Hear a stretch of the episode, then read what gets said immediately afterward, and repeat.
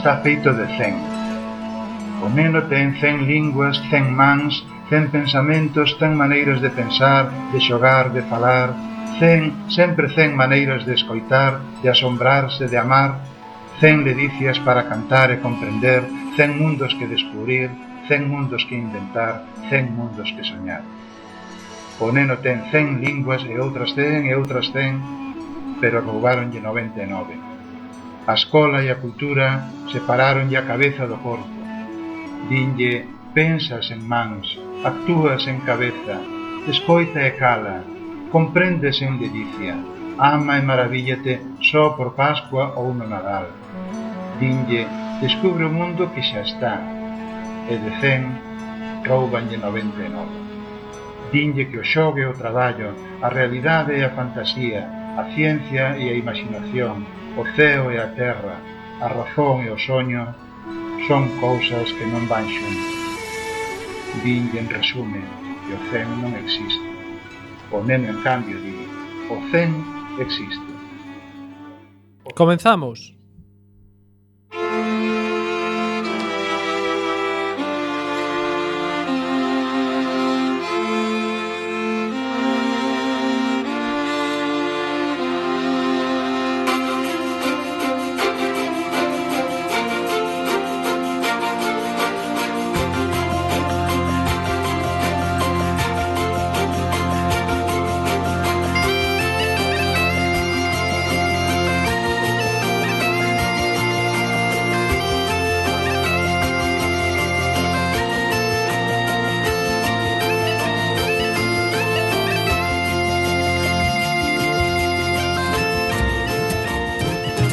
Benvidas, benvidos.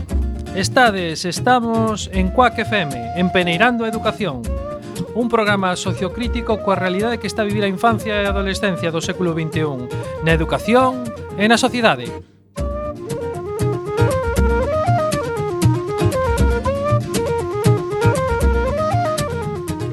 A realidade socioeducativa é na que queremos poñer o foco a través da infancia e da adolescencia e, como non, das familias, como eixe motor da sociedade e, como non, dos profesionais que interactúan con eles nos diferentes ámbitos, na escola, na sanidade, na arte, na ciencia, no deporte...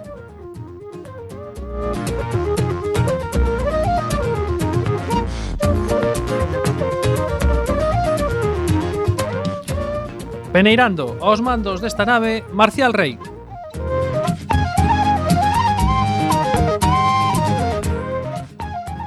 Nos micros, o que lles fala, Fernando Sueiro.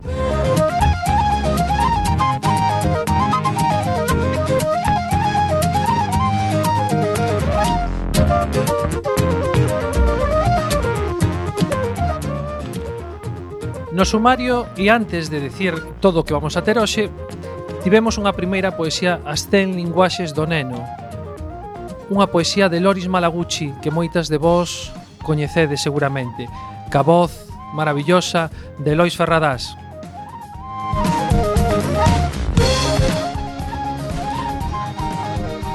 No sumario de hoxe teremos o seguinte. Teremos unha editorial El Yin e el Yang.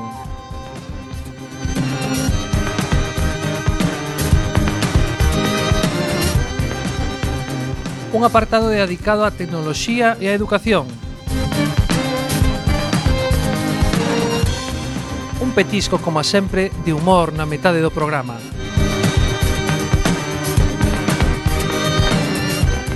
Recuperaremos aquela entrevista de Javier García que tivemos no anterior programa e que nos quedou a medias, hoxe completarémola.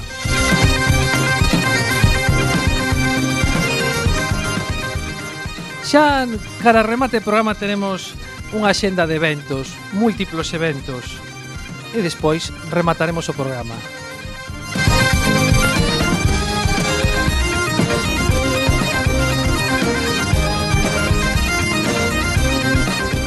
Comenzamos en breve con el yin y el yang.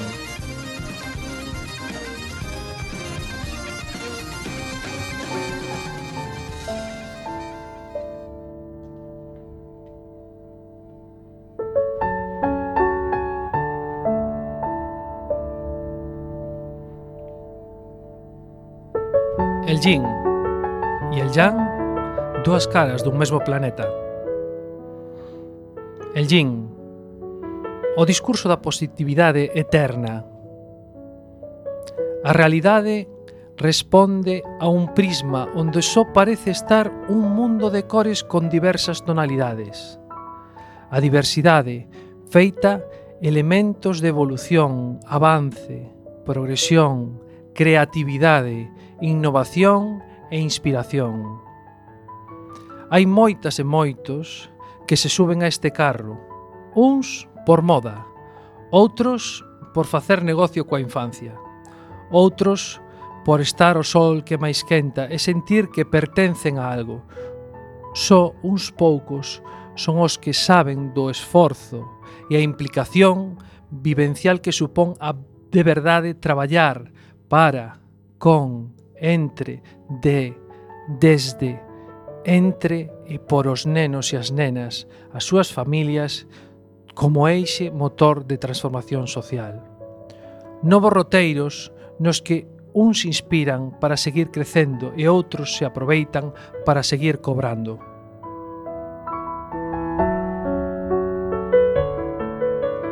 El Yang é a parte do planeta que non se quere ver e, sen embargo, se ve e se escoita. Algo está oculto porque non hai luz que ilumine cando hai que cando lle tiran unha pedra ao foco para rachar con esa luz, que non trascenda nada, que todas e todos estemos caladiños, non temos medios suficientes, estou superada ou superado, que non se poña a funcionar o ventilador, que non vai a ser que se difundan ou infundan as evidencias non posibles de demostrar. Esta situación diaria, ameazante e instituída a través do medo a dicir o que acontece por si hai represalias, supón expoñerse a eses medos, a esas incertidumes, inquedanzas tan fortes que nos bloquean para actuar e remediar. Mentras, o sufrimento e o medo campan as súas anchas polas aulas, polas casas. Quen protexe o neno? Si, sí, aquelas persoas que estamos cos nenos, somos os grandes garantes da súa protección e seguridade. Somos as únicas que podemos dicir o que pasa. Por que está triste? Por que ten cara de medo? Por que non xoga? Por que está apartado do resto? Por que se ailla? Por que o silencio é a súa máxima expresión? A dificultade de ver o obvio, o diario, o que pasa nunha casa, nunha escola, nunha actividade extraescolar, nunha consulta médica, nun clube, está diante das nosas narices. Recibimos mensaxes a cotío e, sen embargo, temos a discapacidade de normalizar todo. O insulto, o menosprezo, a desvalorización, a comparación, a desidia, a frialdade casi psicótica – Todo en nome da adaptación. Ten que acostumbrarse, el mundo es duro, vai a ter que estar con xente de todos os tipos, estándares de normalidade que se atopan na idade cronolóxica, que se atopan na madurez madurativa, que se atopan na cantidade de contidos que pode reter e na velocidade na que os pode vomitar soamente cunha técnica letoescritura ou se atopa na diversidade madurativa del cada uno, sen distincións. Independientemente das súas capacidades, todo neno ten os mesmos dereitos a estar incluídos na sociedade, en unha escola para todo neno e para toda a familia sen exclusión. Aceptar a peculiaridade e as características individuais do cada un, Todas e todos somos especiais, por iso as necesidades educativas son especiais, pero para todas e para todos. En realidade, esta realidade relacional onde están todos os valores relacionais dunha vida, entre outros, é a gran estafa oculta, o que facemos na familia, profesores, monitores, pediatras, a sociedade en xeral é construir espellos nos que os nenos se queren reflexar. Hai moitos espellos de non inclusión, de non integración, de acoso. Despois, botamos as mans á testa cando vemos no xornal que se suicida unha persoa cada día en Galicia. É a primeira causa de morte non natural en España – A Federación de Asociación de Familias de Persoas con Enfermidade Mental avisan a prevención do suicidio e de moitos outros trastornos visibles ou ocultos van dende a educación na infancia, na adolescencia e na xuventude. A visibilización do oculto e o traballo da prevención é clave, necesario e urxente. Hai moita xente con un espírito crítico que nos fai comprender que algo non vai ben e o deixamos pasar o tempo porque o tempo din que o cura todo ata que nos atopamos no drama de que os medos van crecendo nos nenos, nos adolescentes. Son medos que paralizan, que impiden exercer o cada un, o seu ser, a súa diversidade porque non é aceptada el yin e el yang, dúas caras dunha mesma moeda a que hai que dar luz e poñer focos para delatar iso que incumple as leis do ser humano, que incumple os dereitos da infancia.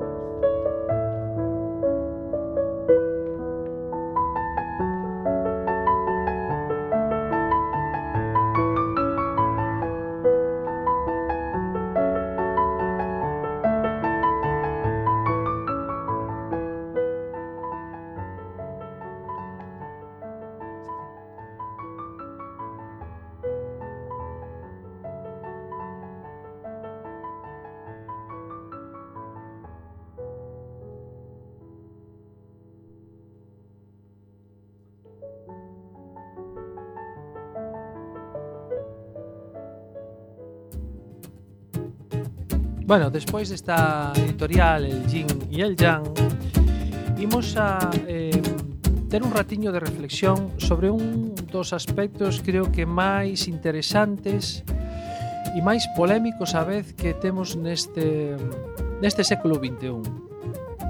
A tecnoloxía e a educación. Este ano vai haber, eh, nestes finais de ano, vai haber eh, o 13º Congreso Mundial da Educación que se vai a celebrar en Nova Jersey que se titula eh, A educación na era digital, oportunidades e desafíos. É un tema nuclear que está en todas en todos os ámbitos e en todos os aspectos no día a día, na escola, na familia e na sociedade. Na xenda do ano 2030 para o desarrollo sostible, eh, se marcan uns desafíos e un deses desafíos é esta tecnoloxía e educación. Polo tanto, eh, vamos a eh, recopilar dúas opinións de dous especialistas. Por unha parte, vamos a escoitar a José Juste Frías, que nos vai a dar eh, pois un pouco de luz eh, ao respecto do traballo que se está realizando eh, no ámbito educativo con este tema da tecnoloxía E despois eh, veremos outra parte que é importante na, no ámbito tecnolóxico que é eh, como podemos entelezar as novas tecnoloxías desde un plano positivo, pero deso falaremos un poquinho máis, máis tarde. Ahora, pois deixo con José Juste Frías preguntarche eh, por unha das cuestións que creo que están máis de actualidade no, no mundo educativo, non? Como decías ti, no, non só na escola, sino en, en moitos ámbitos sociais, non? Nos carteles, en moitos sitios, non? A nivel de pantallas, pero evidentemente estamos vivindo un momento no que a aceleración de, do cambio non? Que temos da maneira de relacionarnos non? Ben por redes sociales ou por outro tipo de medios. E toda a información que estamos recibindo bombardeo de información que estamos recibindo a ese respecto eh, pois, pois ten unha desmensións que, que nunca que nunca houbo ata ahora que, que implicacións e que repercusións Mm, sei que a mellor é complexo, pero mm, que, que, que o que va desvalorando nesta, nesta alfabetización eh, digital que se está eh, cada vez pois, engordando máis e máis, que, que implicacións e repercusións pode ter isto nunha infancia e na adolescencia? Excelente pregunta. No sé si tenemos tiempo para contestarla porque es, un, es la pregunta del siglo, la pregunta del milenio. Esta pregunta del milenio es fundamental y esencial. Es una pregunta que debemos hacernos no solo los docentes, los pedagogos, sino también los padres y las madres. Vivimos una era, como tú has dicho muy bien, de la información. Pero el acceso a la información no significa acceso al conocimiento. La información, como tú has dicho muy bien, está masificada y acelerada. Vivimos un tiempo de aceleración permanente. Nadie tiene tiempo para nada. Y el conocimiento requiere tiempo y más que tiempo unas condiciones ideales para adquirirlo, que es no tener prisa, silencio, pulcritud y disciplina. Eh, esas, esas sensaciones que tenemos cuando leemos. Y la lectura es la base de todo conocimiento. Y hoy la lectura se hace no a través del papel, sino a través de la pantalla. En esta era de la sobredimensión cultural. La prisa es enemiga de la perfección, ¿no? No se trata de ser perfectos, somos humanos y somos seres imperfectos, evidentemente, y humanum errare, errar, errare, perdón, humanum est, ¿no? Decía el, el, refrán latino. Y eso es lo bueno, porque aprendemos del error. Entonces, no cometamos los errores que estamos cometiendo desde que las pantallas están en nuestras vidas, sobre todo con los niños. Vamos a resumirlo en esto, o sea, de la misma forma que nadie pensaría en ningún Diez minutos. en poner patatas fritas, Puedes un hablar. un cocido, por, por, estar en Galicia, ¿no? Y yo qué sé, cualquier otra cosa, el biberón de un bebé pues la pantalla es lo igual. Tú no puedes dejar una pantalla porque le estás dando patatas fritas, le estás dando con algo que todavía no puede comer. Su estómago no está preparado. No significa que sea tóxico, o sea, no significa que las patatas fritas sean tóxicas y no estarían prohibidas para todo el mundo. Pero que el acceso a la información sea dosificado, es decir, que haya realmente un protocolo a la hora de dar y de acceder a lo que nos dan las pantallas. Porque las pantallas tienen eso, son actitudes, alimentan nuestro espíritu, y a veces lo alimentan, como tú has dicho muy bien tu pregunta, con una sobredimensión. Es que nos dan, eh, no nos dan un plato para servirnos, nos dan toda la olla, ya la come de la olla. Tú cuando estás en YouTube, la haces subir, ¡baf! y de repente ya te viene otro vídeo. Es un niño no lo para, no lo puede parar. ¿Y, y, y implicación eh, te está tendo esto xa na adolescencia, donde, donde hai, digamos, unha ferramenta que se lle dá eh, bueno, pues, a partir dos 10, 12, 15 anos pero que é unha ferramenta que habitualmente eh, é aberta e que o control sobre esa ferramenta é moi difícil de ter. Que implicacións neste punto eh, eh está, está, estás vendo que implicacións a ese respecto estás, estás estades vendo ou que eh, valorades que, que pode estar tendo isto xa sei que unha, un complexo casi de bola de cristal de vaticinar, non? Pero pero que, que, que, que o que consideras ese respecto? Sobre los adolescentes, vale, vamos a ver. Eh, eh, en la franja está lo de 9 y después 12, ¿no? Antes de los 12 y después de los 12. Bien, uh, en la educación, la educación no está ni para proteger ni para salvaguardar al niño sino que está para darle al niño las herramientas necesarias para que él se proteja y se salvaguarde y sepa perfectamente eh, usar. Es decir, las pantallas no es que sean buenas o malas, no son el diablo ni nada, es que es, el uso del que haces de ellas. Si tú has formado a tu hijo o al, adolescente en el uso sano, como comer sano, eh, de la pantalla, no habrá ningún problema, porque él sabrá perfectamente dónde están los peligros.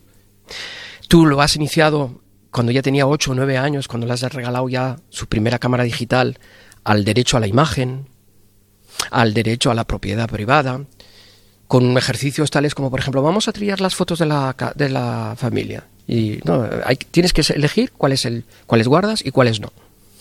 Ya le estás dando un criterio de selección. Eso de que no, todas las fotos las guardo, todas las fotos. No, es otra vez sobre dimensión cultural. ¿Para qué quieres bajarte todas las fotos y todas las fotos si no las tienes? ¿Realmente estás fotografiando? Es para plantearse incluso si realmente estamos fotografiando o, intentando capturar un instante que deberíamos vivir con el cuerpo y no con la, con la pantalla. ¿no?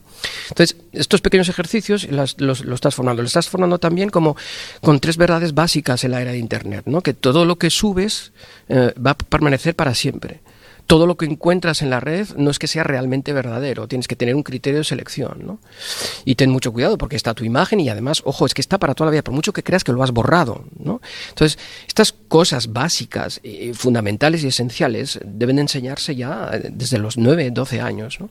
Para que después, en la adolescencia, corran los riesgos que tenga que correr. Porque ser adolescente es adolecer de y, y, aprender precisamente para eso, para que ellos corran riesgos que nosotros no hemos corrido, por ejemplo. Y eso es crecer. Eso es crecer, pero hay que crecer dominando las pantallas. No creciendo que las pantallas nos dominen. Entonces, dominar es, es, De hecho, Serge Tistron, cuando lanzó la campaña, lo dijo en francés, lo dijo apprivoiser. ¿no?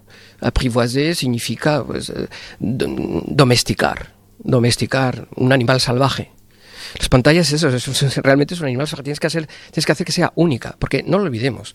La pantalla para un adolescente es parte de su cuerpo. Sin él no vive. Se despierta con la pantalla, se levanta con la pantalla, come con la pantalla. Hay determinadas reglas que hay que poner en casa, como por ejemplo que durante las comidas no se usa la pantalla, porque es el momento familiar en el que estamos todos disponibles y si no hay ganas de hablar porque es desayuna, pues habrá un momento que, que sepa que estamos ahí. Pero no, si los padres mismos por las mañanas nos levantamos y empezamos a mirar el país o a empezar a mirar el periódico Faro de Vigo, ya que estamos en Faro de Educación, a través de Internet y no estamos desayunando, estamos dando mal ejemplo. ¿no? Entonces, esta pequeña regla de, de, no usar las pantallas en los momentos de reunión familiar es clave, es fundamental, pero hay que empezar por uno mismo. O, por ejemplo, llegan las 11 de la noche o las 10 y todos los móviles, una hora antes de dormirse, de toda la familia, están en el salón y se quedan ahí y apagamos la wifi. Porque además está comprobado que esas ondas son nocivas. Es cierto que el vecino no la va a pagar y nos va a practicar, eh, eh, estamos, nos va a perjudicar igual. Pero en fin, hay determinadas pautas que son sencillas, de las que voy a hablar en el taller. Estoy diciendo algunas, muy, muy de refilón, pero porque todas están contextualizadas en, en, en, en una imagen determinada y en un momento de la franja de, de los niños. ¿no? Entonces, un pouco para finalizar, por facer o contrapunto que le vamos falando neste ratiño, Eh, e, e porque estas estes eh, digamos as pantallas al final son ferramentas e a ferramenta non é boa ni mala, sino o uso como ti ben decías que se lle dá a propia ferramenta, non? Por poñero no lado positivo, que nos dan as novas tecnoloxías? Pues una inteligencia que no nos daban las anteriores. Las, las, anteriores nos las daban, pero de otra manera, que es la, la inteligencia espacial y, sensorial sobre todo, ¿no? Y el cambio de jerarquía a la hora de acceder al saber. En la cultura del libro, el acceso al saber es esencialmente vertical, jerárquico. Está el maestro, que es el que sabe, y están los alumnos, que son los que no saben. Con las pantallas hemos aprendido que el aprendizaje y la pedagogía puede ser totalmente horizontal.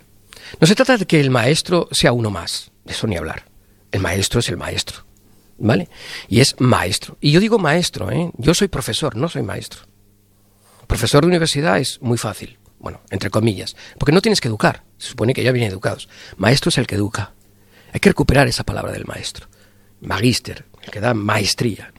Entonces, ese maestro está ahí y sabe que los que van a venir a clase, como los que sabemos, los profesores universitarios, los programas docentes están colgados en la web, todo está colgado en la web, todo lo que has hecho conferencias, has publicado, todas tus publicaciones están en red, no es como antes, en el que tú venías y esta es, tenéis que leer tal, ya vienen con las cosas leídas y pueden acceder a ello.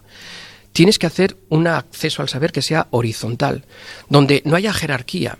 Hay evidentemente selección y disciplina y orden en el sentido de que esto es bueno y esto es malo, esto es correcto y esto es incorrecto, porque esto de que todo vale y nada es incorrecto, todo está bien, no es precisamente educar, es seguir en la ola del surfeo, del sobredimensión cultural de todo vale. Y de repente es tan fuente de autoridad un maestro como un youtuber. Y eso no puede ser.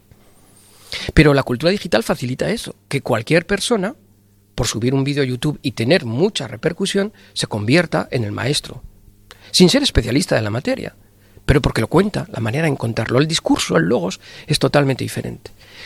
La cultura digital, por otra parte, eh, retoma algo que ha existido siempre en la humanidad, que es la imagen. La cultura del libro es una cultura lineal, de izquierda a derecha. Tú lees de izquierda a derecha, tienes que hacer una lectura intensiva de todas las páginas, de arriba a abajo. E intensiva, o sea, no puedes hacer una lectura extensiva como puedes hacer en, en, Internet, que vas de aquí para allá y vas pinchando de un sitio para otro, ¿no? ¿Por qué? Porque hay un recorrido de lectura que ya está pensado en el hipertexto, que son todos los paratextos y las imágenes que rodean ese texto, para que tú hagas el recorrido que ha pensado el que ha diseñado la página web. Entonces, nuestra relación con la imagen ha cambiado totalmente. La relación que teníamos con la imagen antes, la imagen siempre ha existido y cuando leemos, leemos imágenes, no leemos solo verbo, es decir, nos imaginamos. Y lo que tenemos, los traductores, lo que tenemos que traducir son esas imágenes mentales, ¿no? No solo son palabras, sino lo que esas palabras han provocado y, qué imaginario vehiculan. Es decir, que trabajamos ya con las imágenes. Pero con la era digital trabajamos con imágenes que ya no son mentales, sino materiales. Están fabricadas por otras personas y están ahí para no solo ilustrar un libro infantil, o no es un videojuego ni nada por el estilo, sino que están marcadas cultural e ideológicamente. Hay que cultivar en el niño y en el adolescente ese sentido crítico de la pedagogía de la imagen, de saber cuestionar de que esa imagen, a ver, primero, es un fake, está, ¿quién la ha hecho? ¿Cómo la ha hecho? ¿Dónde la ha hecho? ¿Por qué la ha hecho? ¿Para quién lo ha hecho? ¿Cómo lo ha hecho? Y ellos dominan todas las herramientas para saber si está retocada, si no está retocada, etcétera, etcétera. Hoy, hoy en día podemos ver al presidente de cualquier país hablando sin ningún problema, gracias a la tecnología de la imagen, diciendo algo que el presidente no ha dicho nunca. Y todo eso, el alumno, el, ciudadano, y ya no digo el niño, el ciudadano, tiene que aprender a discernir. No digo dónde está la verdad, sino saber que te están manipulando. ¿no? Y la imagen hoy, con la era digital, pues es, eh, nuestra relación con ella es que ya no estamos delante de la imagen, como cuando estamos en un museo o cuando intentaron los renacentistas con la perspectiva, ay, vamos a intentar meternos dentro. Fijaos, ahora es que estamos dentro de verdad. Con los videojuegos estamos dentro de la imagen. Y lo que tenemos que traducir, por ejemplo, cuando traducimos videojuegos es precisamente esa sensación de estar dentro. Entonces, eh, hay que aprender a estar delante y dentro, dentro y delante, tomar la perspectiva, saber y cuestionarse el sentido crítico, lo que ha sido toda la vida, educar. Bueno, eh, rematamos a este pequeno corte da entrevista de José Justo Fías, que é profesor na, na Universidade de Vigo. Eh, e agora Vamos a, a ver un cachiño da entrevista que tivemos con Sergio Clavero eh, un pouco máis centrado nun ámbito práctico do que é eh, o emprego das novas tecnoloxías. Eh, eh Sergio Clavero é profesor no IES de, Cape, de Cacheiras en Santiago e profesor asociado tamén da, da USC. Vos deixo con Sergio Clavero.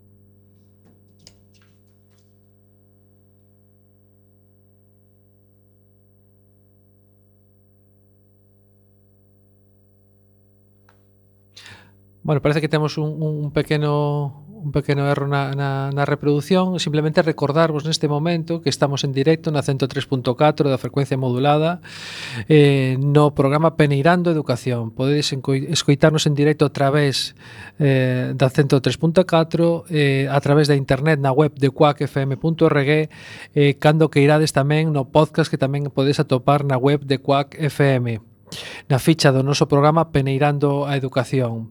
Eh, tamén podes enviarnos eh, mensaxes ao WhatsApp en directo 644-737303.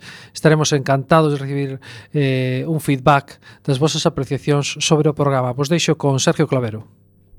Entón, eh, estamos bueno, cheos de moitísima información, non? E, e, e o mundo da imaxe hoxe en día pois nos, nos invade non? Por, por moitas ferramentas non? Que cada vez son máis ferramentas máis eh, con maior calidade con unha elaboración de contenidos que aí sí me gustaría que nos deras un pouco como está ese punto nese ámbito da alfabetización, de como dende a infancia e dende a adolescencia, non?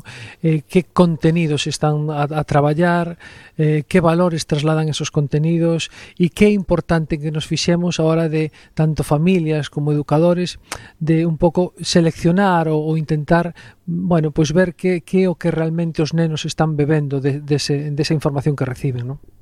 Sí, vivimos una saturación visual ¿no? muy compleja, además, eh, con un acceso inmediato, pero no solo como consumidores, sino que también tenemos disponibles una cámara en el bolsillo que nos permite también producir contenidos de todo tipo. La cuestión es eh, hacer descubrir que todos esos contenidos de imagen y audiovisuales eh, se construyen con un lenguaje y que eh, están construidos por personas con una intencionalidad, sea la que sea, y que por lo tanto tenemos que tener la necesidad de conocer el lenguaje para comprender realmente eh, lo que se nos está transmitiendo. ¿no? Pueden ser eh, contenidos de todo tipo y con intenciones muy diversas. Entonces, llegar a, a, la conclusión ¿no? de que existe ese lenguaje, que hay una construcción por parte de una serie de personas, de un relato, de un mensaje, y tener la capacidad, por lo tanto, para desarrollar nuestro pensamiento crítico, que yo creo que ese es el objetivo principal.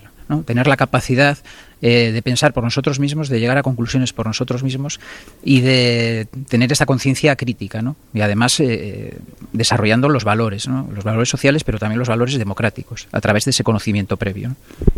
E por último, quería que nos comentara, se posible, a túa valoración do momento eh, do momento eh, audiovisual que vivimos. Xa falamos ao principio un pouco da, de, deste, deste bombardeo continuo e constante, mm, pero según o, o teu xuizo, non? Cal é o momento que está vindo a infancia e a adolescencia con esta con este, bueno, bombardeo de, de, de diferentes partes e, e que cuestións hai que non son tan de calidade e que cuestións crees que son de calidade, non? A ese respecto. Bueno, como decíamos, vivimos en una sociedad donde hay un gran bombardeo de imágenes. El, pro el problema es que quizás no se está abordando con seriedad. Decimos que está eh, en los currículums, está ahí, pero no, no acabamos de entender ¿no? la capacidad que tiene de condicionar la percepción que tenemos de la realidad a la hora de informarnos también.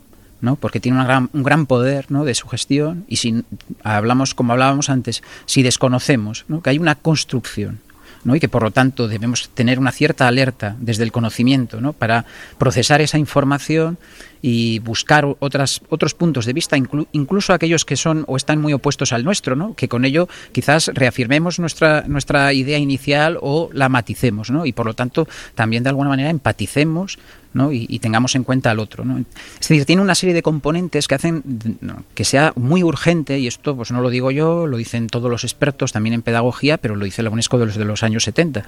Eh, no se está haciendo de manera seria, porque falta un, al menos un componente muy importante, que es la formación del profesorado. Si no puedes pedir a un profesor, a un maestro, a una maestra en infantil, en primaria o en secundaria que aborde estos temas, que eh, la ley dice que son además aparte de trabajarse en materias específicas donde ya están los contenidos, además debe hacerse transversalmente como medio de expresión, igual que el oral y el escrito, pues la urgencia es que el profesorado no está formado, ni se le dan tampoco eh, las herramientas, no solo de, de contenidos, sino también metodológicas, ¿no? de cómo trasladarlo al aula. Porque lo que no vamos a hacer es cometer los errores ¿no? de trasladarlo como, lo, como se ha trasladado o como se está trasladando eh, el conocimiento del lenguaje escrito y oral sino que debe hacerse desde otro punto de vista. ¿no? Y por lo tanto, bueno, eh, que yo creo que falta realmente tomarse en serio la necesidad de la formación del profesorado, ya no solo del actual, sino también del futuro profesorado que está en las facultades de ciencias de la educación, donde estos contenidos tam también eh, es probable ¿no? que también estén un poco al margen, ¿no? porque también ese profesorado quizás necesite una formación específica. Entonces, bueno, es un debate bastante complejo, ¿no? que está actualmente bastante efervescente a nivel nacional, con la Academia de Cine y otros, otra serie de organismos, y entonces, bueno, yo creo que falta una planificación en ese sentido. Moi ben, pois nada, agradecerche Sergio de verdad encarecidamente a presencia no, no Peneirando Educación e, e nada, darche as gracias. Gracias.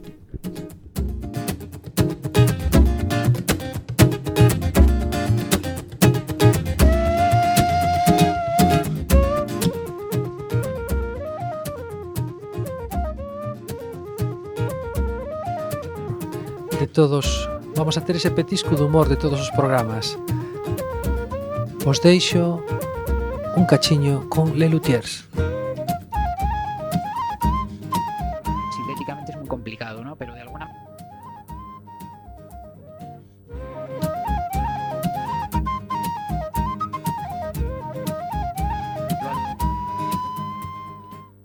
Digamos que cierra todo un proceso de construcción que llega, que acaba en un objeto final, ¿no? en una obra que va a ser visible, ¿no? eh, también con problemas y con errores, pero de los que se va a aprender en todo ese proceso, ¿no? porque debe, debe ir acompañada de una evaluación, diga, digamos, continua, formativa, ¿no? donde vamos viendo a través de reuniones periódicas ¿no? cómo vamos dando los sucesivos pasos y, y, y cómo dar el siguiente, ¿no? pero siempre eh, dejando al alumnado con autonomía y trasladándoles la responsabilidad del trabajo. Bueno, pues para eh, sintetizar, está muy bien sintetizado porque de verdad que nos acabas de aportar un montón de, de claves y lo que supón un proceso, en este caso un proceso de creación cinematográfica. ¿no? Entón, eh, bueno, simplemente agradecerche a presenza no programa, Penegando Educación e, e nada, dachas gracias. Ahora vamos a escuchar a Javier García García que fixo un obradoiro que se titulaba La necesidad de crear proyectos educativos integrales. Guía para no morir en el intento. Vos deixo con Javier García Bueno, estamos en Peneirando na Educación eh, Hoxe estamos con Javier García García Que é mestre, pedagogo Actualmente está no CIP Piña Grande eh, Traballando E, bueno, hoxe está no terceiro foro de educación pues, Facendo un obradoiro. Sobre que obradoiro, Javier? Obradoiro consiste un pouquinho en facer unha especie de guía Bueno, para que É unha guía para como os mestres e equipos directivos Poden levar a cabo, poden crear proxectos educativos integrais nos centros Digamos, proxectos educativos que estean sólidos e consistentes asistentes e que non só, digamos, atendan a como traballa un profesor na aula, sino que sea un bloque de traballo onde todos estamos de acordo. Non? Un pouquiño o traballo consiste en facer ver a aqueles, a aquelas persoas, a aquelas asistentes conta que conseguir acordos dentro dun claustro, dentro dunha comunidade educativa non é tan complexo porque máis ou menos queremos todos o mesmo da, da educación. Non? Bueno, Javier está nun centro que últimamente pois pues, ven salindo moito en medios de comunicación por, por, por un cambio de metodoloxía, non? No centro, que creo que levamos eh, apuntando dende... Bueno, parece ser que estamos tendo dificultades técnicas, eh, retomamos un pouco o pulso do programa, sentimos estas dificultades técnicas que, bueno, ás veces son eh, cousas que acontecen no directo e que, e que bueno, e que continuamos co programa, eh, sen máis. Eh, eh, tiñamos previsto neste momento reproducirvos unha entrevista de, de Javier García que outro día quedara quedara un pouco a medias porque se nos se nos fora o tempo e realmente pues, quedarmos un pouco no compromiso de completar a, a entrevista. Javier García eh, eh, membro do equipo do CEIP Viña Grande, eh, é un mestre dese, dese centro, ata fai pouco tempo era o director do centro, e un pouco el, co, co seu grupo de, de persoas, pois eh, encumbraron e fixeron pois un troco no que era pois a metodoloxía do propio centro. E, e bueno, no terceiro foro de educación pois un pouco nos explicou nos explicou pois todas aquelas cuestións a niveis a niveis de, de metodoloxía, de trocos que fixeron. Pero o importante desto, como nos dixo no propio Obraidoiro Javier, foi que todo se basou no grupo,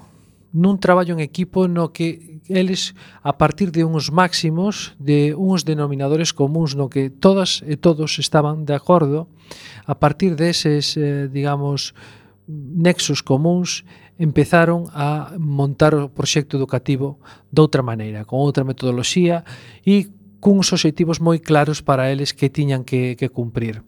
Entonces, bueno, pois deixo un pouco coa entrevista de Javier García, eh, estad atentos porque eu creo que merece moita pena, que é curta, pero creo que é moi valiosa porque sempre o traballo nos centros eh, a veces faise complexo por diversas circunstancias, eh, unhas pois dadas polo propio sistema, polo encorsetamento que a veces o sistema nos produce nese sentido e polo tanto temos marxe de maniobra ás veces moi pequeniño e outras porque, bueno, o traballo en equipo é difícil, é complexo e, e hai moitas perspectivas diferentes dentro dun grupo, dentro dun grupo de profesionais.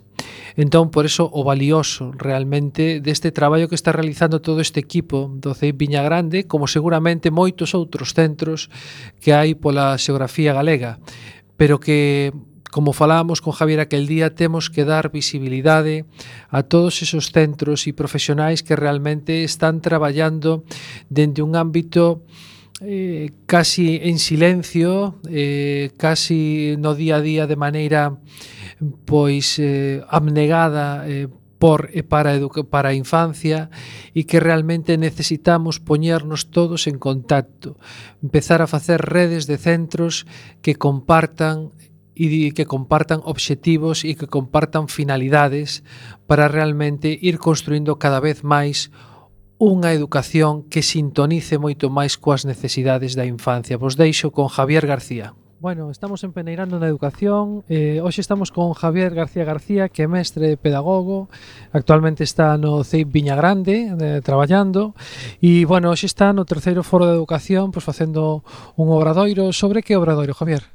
Obradoiro consiste un pouquiño en facer unha especie de guía, bueno, para que eh, é unha guía para como os mestres e equipos directivos poden levar a cabo, poden crear proxectos educativos integrais nos centros, digamos, proxectos educativos que estean sólidos e consistentes e que non só, digamos, atendan a como traballa un profesor na aula, sino que sea un bloque de traballo onde todos estemos de acordo, non?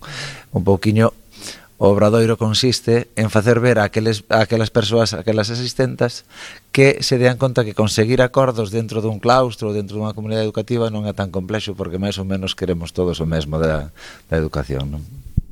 Bueno, Javier está nun, nun centro que últimamente pois ven salindo moito en medios de comunicación por, por, por un cambio de metodoloxía non no centro que creo que levabades eh, barruntando dende un tempo mm. e que si nos gustaría que nos contaras un pouco como foi ese proceso e, e que eh, a mí non me gusta moito falar de resultados, non, sino máis ben de como vivichedes o proceso vos, as familias e sobre todo os nenos. Sí. A ver, o proceso, este xa é o cuarto ano do proxecto educativo, inda que eh, empezáramos dous anos antes introducindo dinámicas pouco a pouco e demais, non?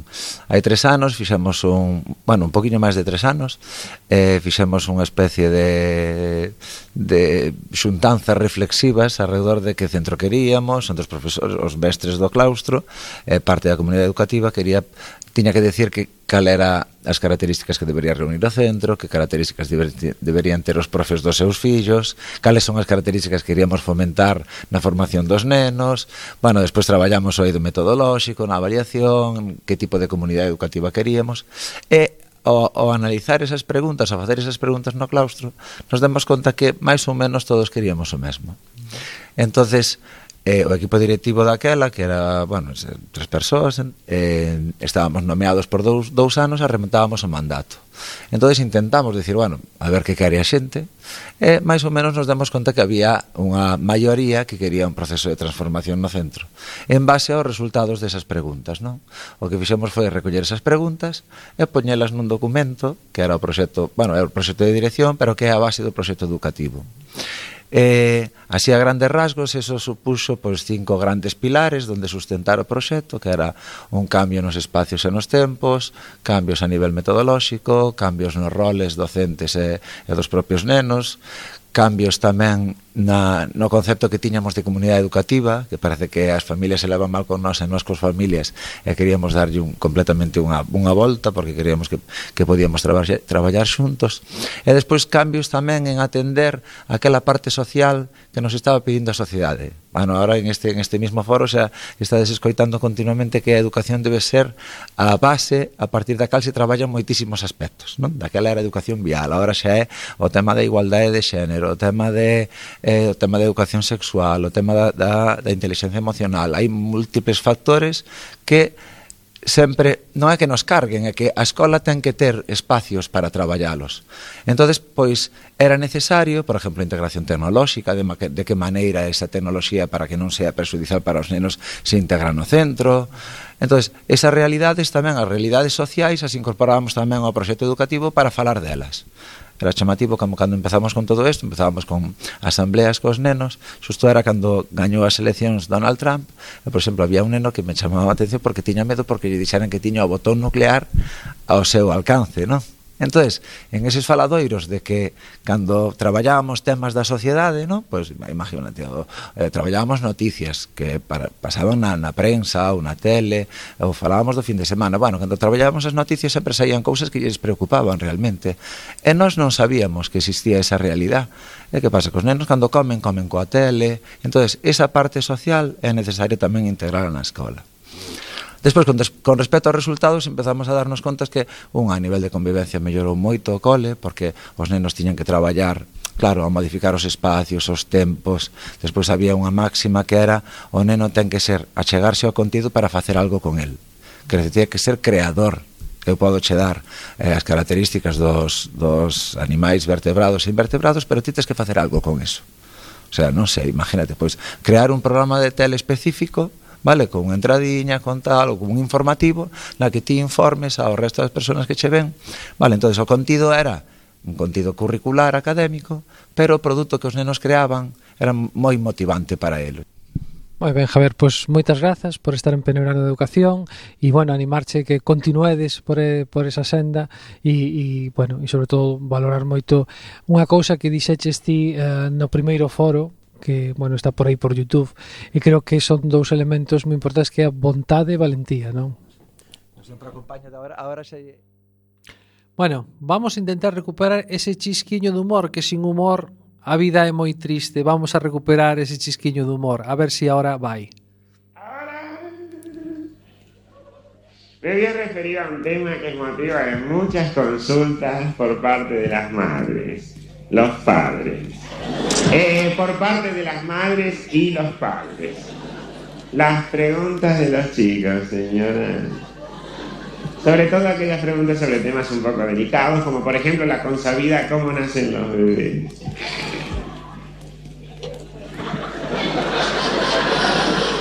A los chicos hay que decirles siempre la verdad. Por supuesto que en los términos que ellos puedan entender. Entonces usted le puede explicar, por ejemplo, de la siguiente manera, le puede decir, por ejemplo, mira Nini,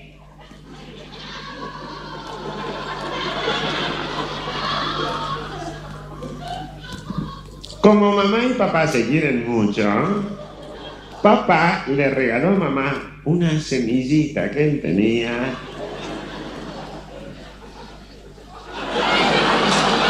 Esa semillita germinó, creció y después de nueve meses se convirtió en un hermoso repollo donde te dejó la cigüeña que te trajo de París. A los chicos hay que decirle siempre la verdad. A los chicos, otra cosa, no, no hay que asustarlos a los chicos no hay que asustarlos con cucos, brujas, ogros, todos temibles personajes imaginarios. Llegado el caso, háblele de cosas más reales. El lobo, una araña, una buena víbora. Parece mentira, parece mentira, pero todavía hoy en día hay madres, hoy en día en pleno siglo X, XX, que todavía le dicen a sus hijos cosas como, por ejemplo, mira, Nini, si no tomas toda la sopa voy a llamar al hombre de la bolsa.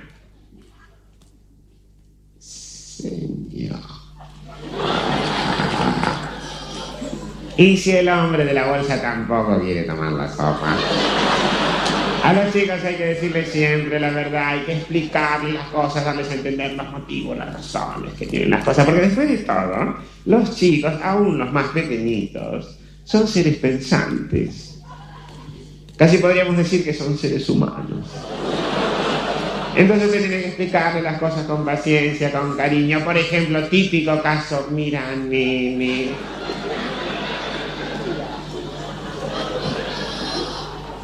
Ya son las 12 de la noche, ¿no es cierto, querida? Es un poquito tarde. Claro. Y hoy nos hemos levantado temprano, ¿te acordás que nos levantamos temprano? Por supuesto. Y mañana nos tenemos que levantar temprano otra vez porque vas a tener que ir a la escuela, yo tengo que ir al trabajo. ¿Me entendés lo que te estoy explicando? Quiere decir, querido, que si vos ahora no te dormís, yo te reviento. A los chicos hay que decirles siempre la verdad.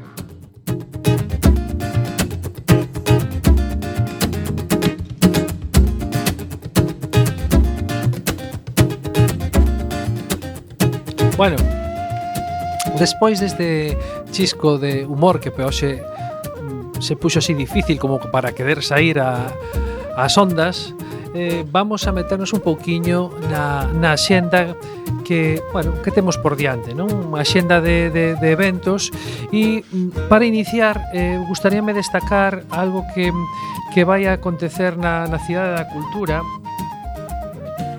eh, que vai ser eh, un evento chamado Contornos e Contornas basado na relación entre educación e arquitectura.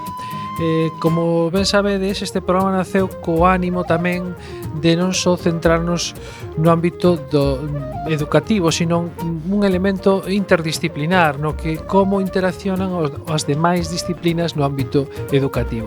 E neste caso, a arquitectura ten un papel principal no ámbito educativo, un axente condicionante de toda a actividade humana e os efectos que se produce que os produce o espazo arquitectónico teñen ademais sobre o comportamento e o benestar das persoas. Polo tanto, aquí o que queren abordar é o espazo educativo como ese terceiro educador e a importancia que ten digamos como se conceptualiza os espazos educativos nos propios nos propios centros. Eh, para crear este espacio de debate, e reflexión interdisciplinar, contarase nas xornadas con Ricardo García Mira, eh, que é catedrático de Psicología Social na Facultade de Ciencias de Educación da Coruña. Eh, está especializado en psicología ambiental. Despois estará pois tamén Julia María Crespo Comesaña, que é doutora en pedagogía e maestra de organización escolar na Facultade de Ciencias de Educación da Universidade de Santiago de Compostela, e Celestino García Obraña, que é doctor arquitecto e maestro titular de Teoría da Arquitectura en la Escola Técnica na Escola Técnica de Superior de Arquitectura da Universidade da, da Coruña.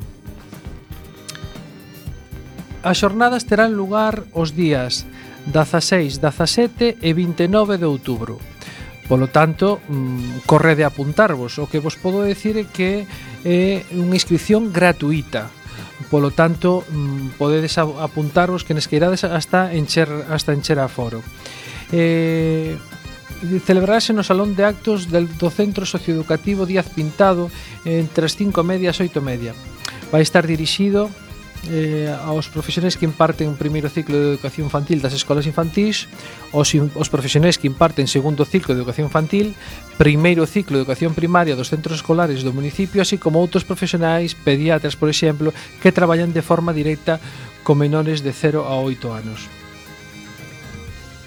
Eh, bueno, eh, sen máis, eh, eu vos animaría a que poidades ir a este a este congreso sobre a arquitectura e Educación eh, que, como vos decía, podedes obter información na eh, páxina da Cidade da Cultura cidadedacultura.gal De todos os xeitos intentaremos col colgar no noso Facebook un, un enlace para que poidades dende ali do Facebook, do, do Facebook de Peneirando Educación poidades eh, ter directamente a información.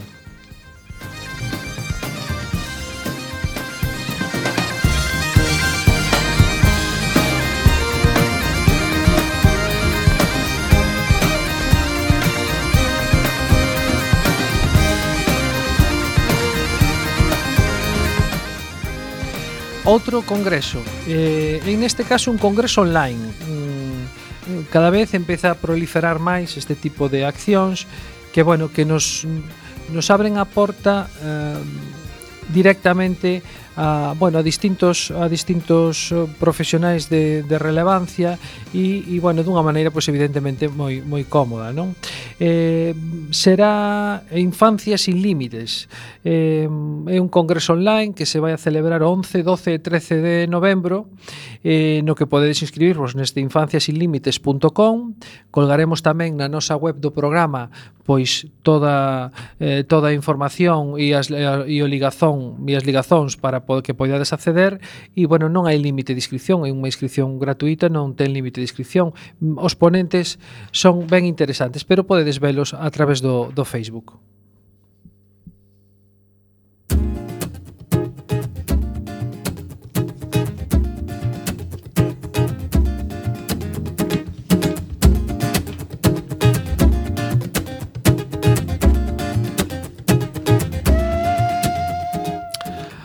Outra das, eh, das cuestións que temos aquí é, eh, como vos decía ao principio do programa, eh, eh, o Congreso, 13º Congreso ou edición do Congreso Mundial de Educación eh, que se celebra eh, neste outubro en Nova Jersey. Eh, colgaremos tamén no Facebook o a ligazón para que podades acceder, pero bueno, hai cousas moi interesantes desta xenta 2030 para o desarrollo sostible O Congreso titula, titularon así A educación na era digital, oportunidades e desafíos. En eles van abordar catro temáticas que consideran nucleares para esta xenda de cara ao ano 2030 e que está sendo un pouco os catro eixes e pivotes que realmente pois, eh, pois están tomando en consideración para desenvolver no eido educativo, que é a tecnoloxía e educación, a diversidade e a inclusión, as políticas públicas en educación e o impacto e a internacionalización na educación. Eu, mm, neste caso, vos, eh, vos eh, enviaremos información a través do Facebook e creo que son elementos eh, que se irán desenvolvendo nesta senda de 2030, pero a ter moi en conta porque isto eh, chegará a todos lo, a todos lados a nivel mundial e son elementos que hai que ter que teremos que ter en consideración de cara ao, a este futuro de medio e largo prazo.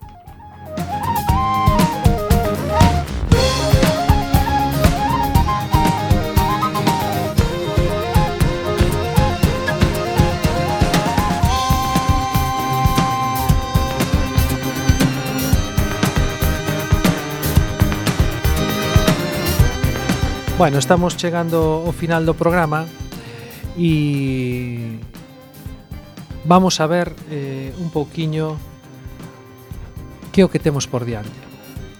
Como os decía na, na primeira mm, na editorial que temos que tiñamos hoxe o Yin e el Yang temos moitos retos por diante, temos moitas cousas que realmente son trascendentes para o desenvolvemento da educación e para o desenvolvemento da infancia e da adolescencia.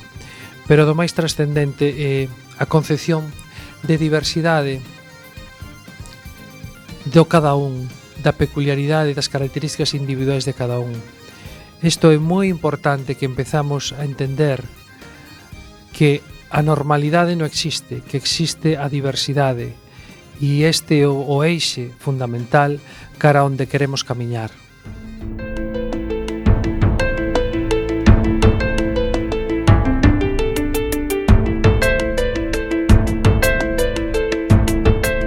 sempre.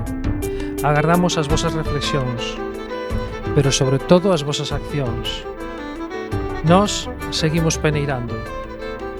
O único xeito de transformar é actuar en conxunto, colaborando, compartindo e participando con outros, entre outros e para outros, co obxectivo de que a infancia e a adolescencia sexan axentes de cambio reais, sexan considerados cidadáns con dereitos e obrigas, que opinan e participan. Seguimos peneirando.